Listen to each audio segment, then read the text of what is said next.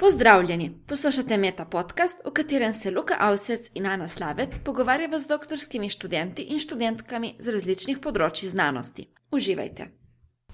Danes je z mano Tina Pirc, Tina Žuja. Živijo, Luka. Eh, Sva na filofaksu na oddelku za psihologijo. Ne? Drži. Tole je katedra za.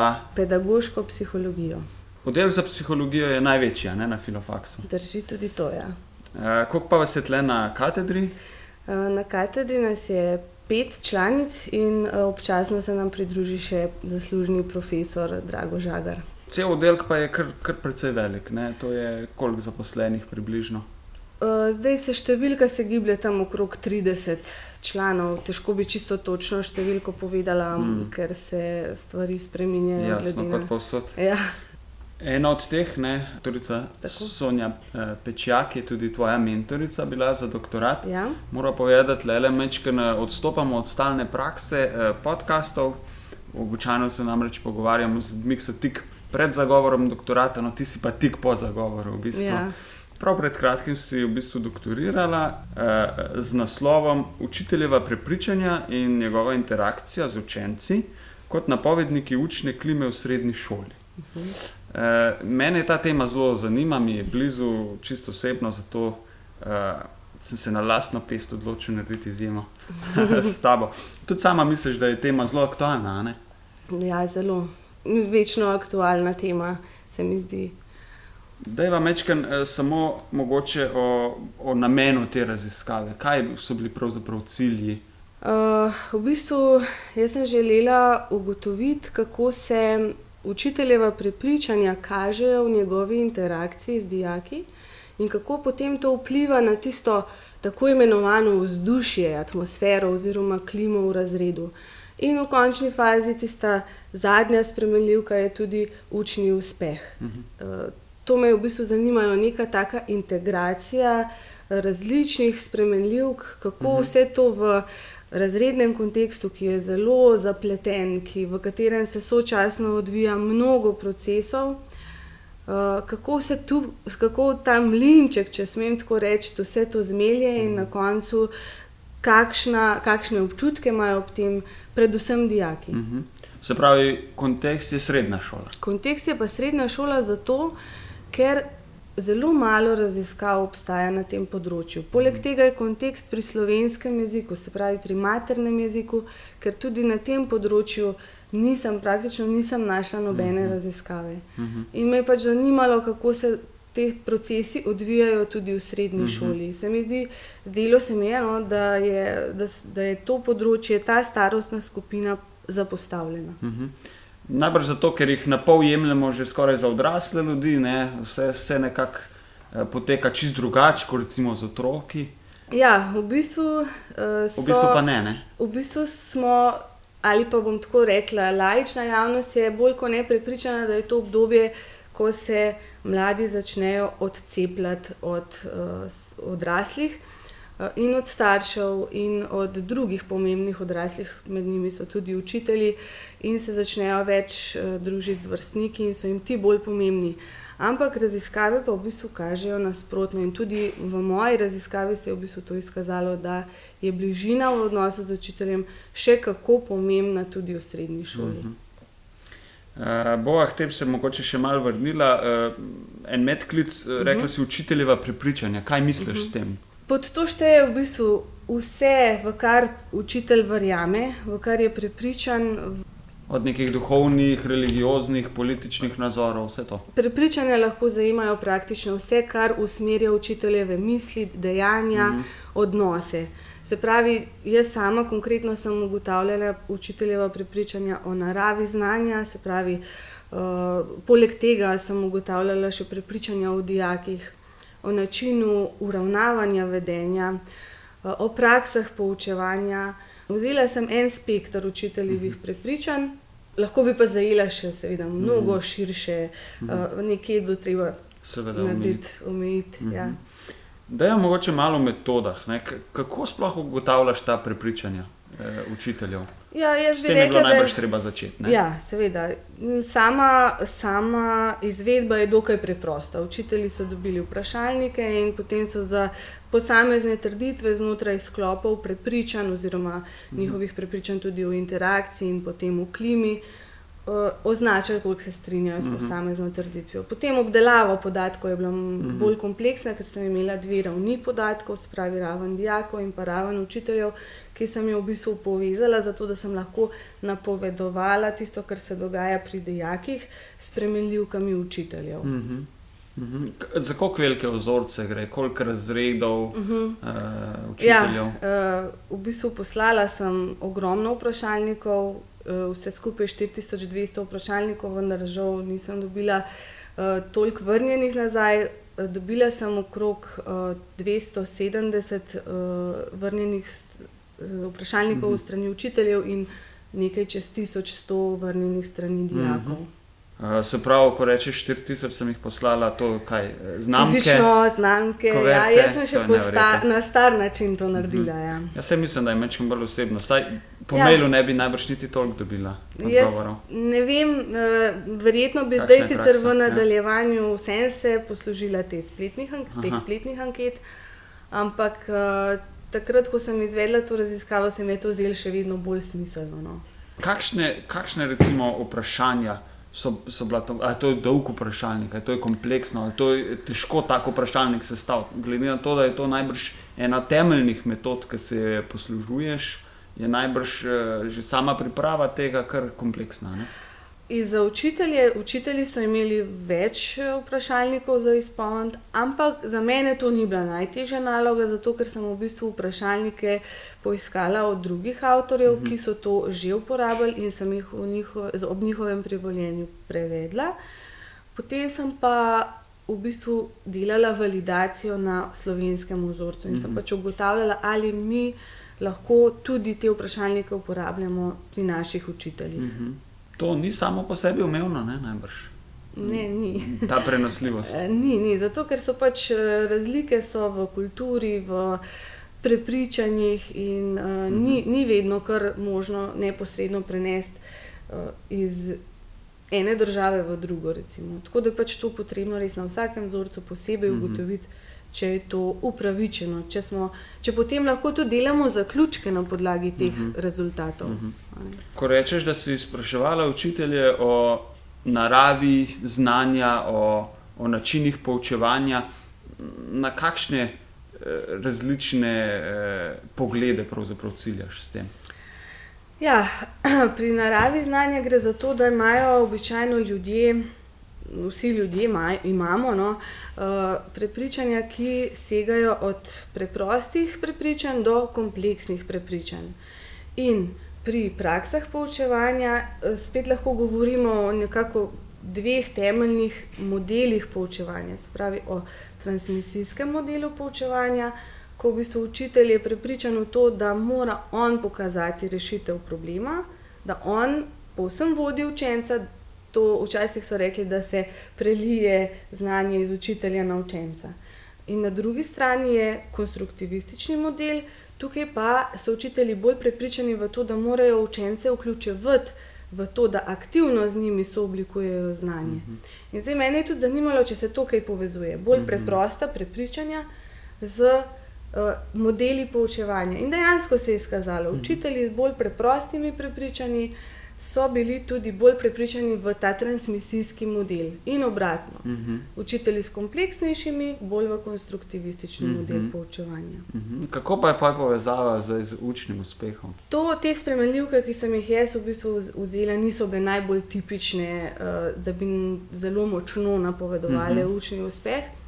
Uh, bolj se je to odražalo v klimi uh -huh. in v interakciji, in se tudi na učnem uspehu, ampak bom rekla, niso bili tako veliki učinki, uh -huh. uh, ker klima je tista, ki potem vpliva na motivacijo. Motivacija je pa tista bistvena spremenljivka, ki vpliva na učni uh -huh. uspeh.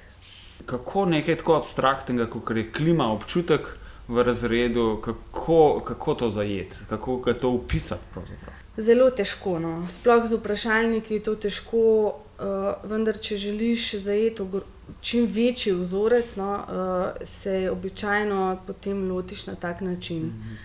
Um, Z nekimi osebnimi intervjuji zelo... najbrž ne moreš doseči tisočev. Eh, lahko, lahko, če si vzameš desetletje za ja. raziskovanje. Uh, tako da v bistvu s temi vprašalniki, ki so bili uporabljeni, ki so bili nekako že uspešni mm. pri približku tega uh, ovrednotenja, ocenjevanja te tematike, uh, uh, upam, da sem uspela mhm. vsaj uh, blizu priti tega, no, uh mhm. -huh. temu, kar sem želela preučiti. Kakšna je tle implikacija za, za, za prakso? Ne? Jaz sicer ne forsiram tega, meni je bazična znanost čist ljuba, ampak najbrž uh, ti konkretno v svojem delu pa vidiš neke načine, kako to mogoče s časom, z leti prenesti v, v prakso. Meni se zdi zelo pomembno, da pride to v prakso, ker, ker moja tema je taka če lahko rečem, spet tako ljudska tema. Se mi zdi, da je pomembno, da pride med ljudi, da to ljudje izvejo, uh, da se mogoče vprašajo tudi kakšen učitelj, če bo mogoče slišal to ali nekje za našel te stvari.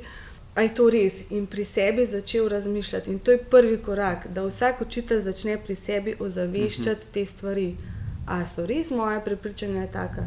A sem res jaz tako pomembna oseba in da se začnejo zavedati, da so lahko res nosilci sprememb, da so lahko oni tisti, ki uh, pridejo v razred in začnejo drugače.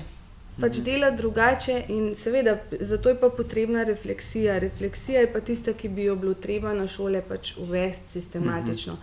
Da imajo učitelji možnost ozaveščati svoje prepričanja in jih spremenjati. Mhm. Ob pomoči nekoga, ki je bolj izkušen, ki mogoče tudi kakšna supervizija bi bila ustrezna pri izobraževanju novih učiteljev, vidiš vlogo tega? Ja, vsekakor je tudi pri izobraževanju bi bila ena možnost. Vse že zdaj se dela na tem. Ampak, veste, veš, prepričanja so izredno, bom rekla, težko jih je spremenjati. Uh -huh. uh, sploh tiste, ki so nastale zelo zgodaj. Tako da nekateri avtori sicer navajajo in poudarjajo to, ta pomen spremenjanja prepričanj že tekom študija, uh, ampak to še zdaleč ni potem zaključen proces. Ves čas profesionalnega razvoja bi morali učitelji imeti to možnost in to ozaveščati. Uh mhm. -huh. Del problema je najbrž v tem, ne, ker smo vsi bili uh, šolani in vzgajani na nek določen način, ne, na neki stari šoli, in zdaj ta stara šola ja. počasi prihaja iz mode in pravilno tako. Ampak to bo najbrž. Uh, potreben čas za to. Ja, zdaj si točno to rekel, kar tudi uh, avtori uh, pogosto uh, sem to zasledila, ko sem brala te raziskave. Če recimo nek uh, srednješolec upiše pravo, je to za njega relativno novo področje. Če pa nekdo upiše, uh, se upiše na pedagoško fakulteto z, z namenom, da bo učitelj, recimo primer. Uh, je pa to nekaj, kar on počne, oziroma je tega deležen že na tisoče ur v svoji zgodovini. In to je tisto, kar potem običajno vodi v reprodukcijo že znanih vzorcev poučevanja. Ne?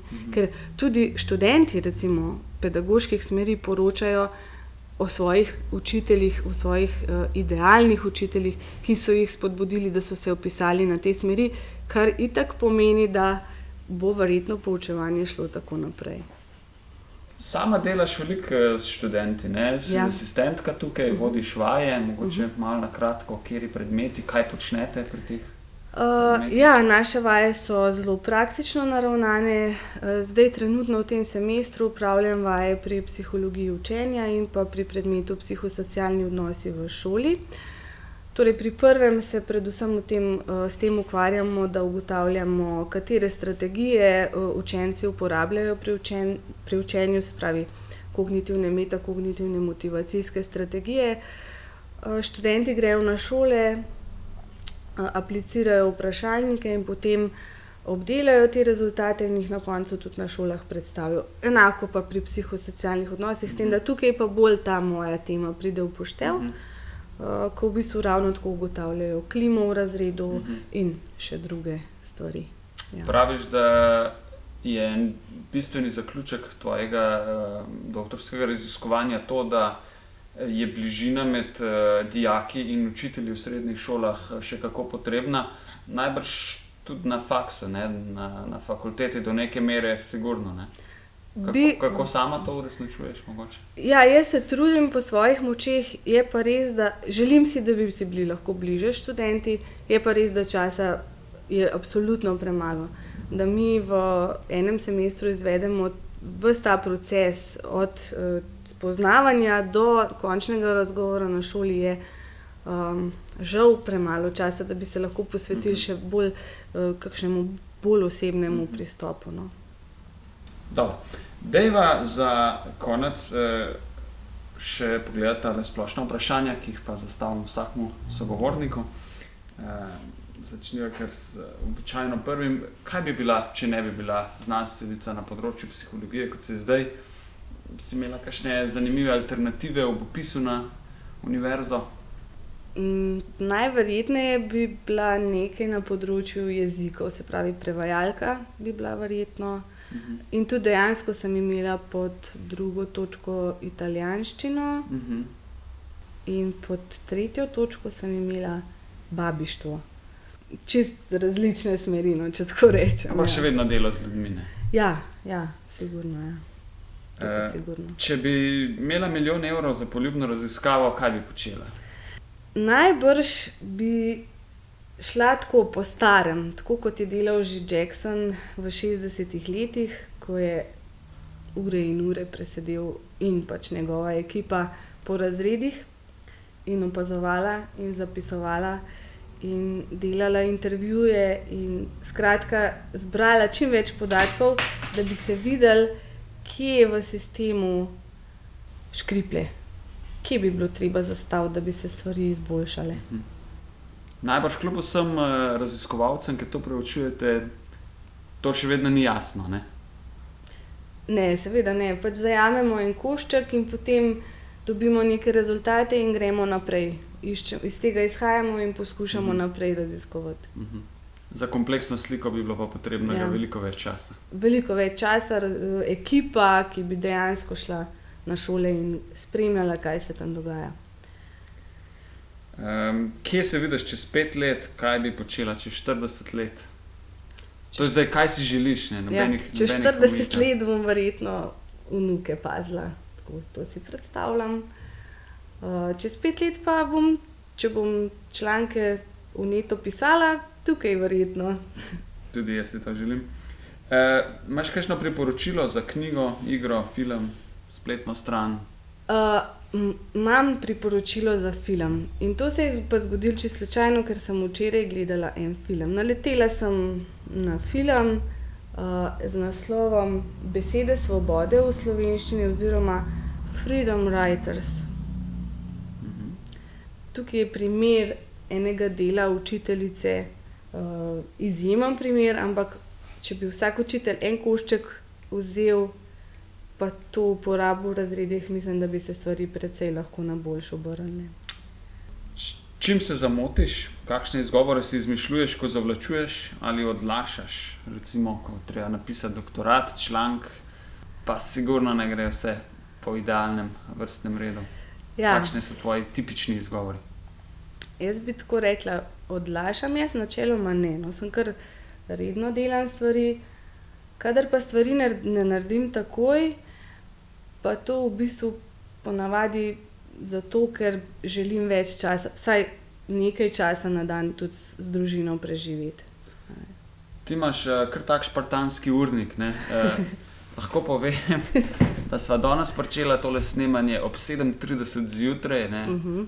ne, ne človeško zgodaj. Uh, sama začenjaš še dosti prej. Ne? Uh, ja, uh, prihajamo okrog šestih, tako da v bistvu potem okrog treh, štirih se lahko že vrnem domov, da imam še tistih nekaj ur z otroki in s partnerjem. Eh, Najbrž si ena redkih, ki, ki doživi mirno Ja. filozofsko fakulteto. To je neprecenljivo. Od šestih do osmih jaz lahko naredim bistveno več, kot pa Ja. potem kasneje. Kaj bi ti lahko v tem trenutku še eh, izboljšal kakovost življenja? Mogoče malo več prostega časa, kakšna ura več spanja, drugače pa je kar ok. Tina Pirc, hvala za pogovor. Hvala tudi tebi. Poslušali ste Meta podcast, ki ga pripravljava Luka Avsec in Ana Slavec. Pogovarjava se z doktorskimi študenti in študentkami iz različnih področji znanosti, ki so tek pred zaključkom doktorata. Meta podcast domuje na spletišču znanost.metinalista.si, v drugi sezoni pa sodelujemo tudi z Društvom mladih raziskovalcev Slovenije. Pohvale, pripombe in predloge za bodoče goste nam lahko posredujete po e-mailu znanost.afna.metinalista.si ali pa nas poiščite na Facebook profilu Metine liste in na Twitterju, kjer uporabljava hashtag metapodcast, Luka tvita kot at inlife, jaz pa kot at aslavec. Naslišanje čez 14 dni.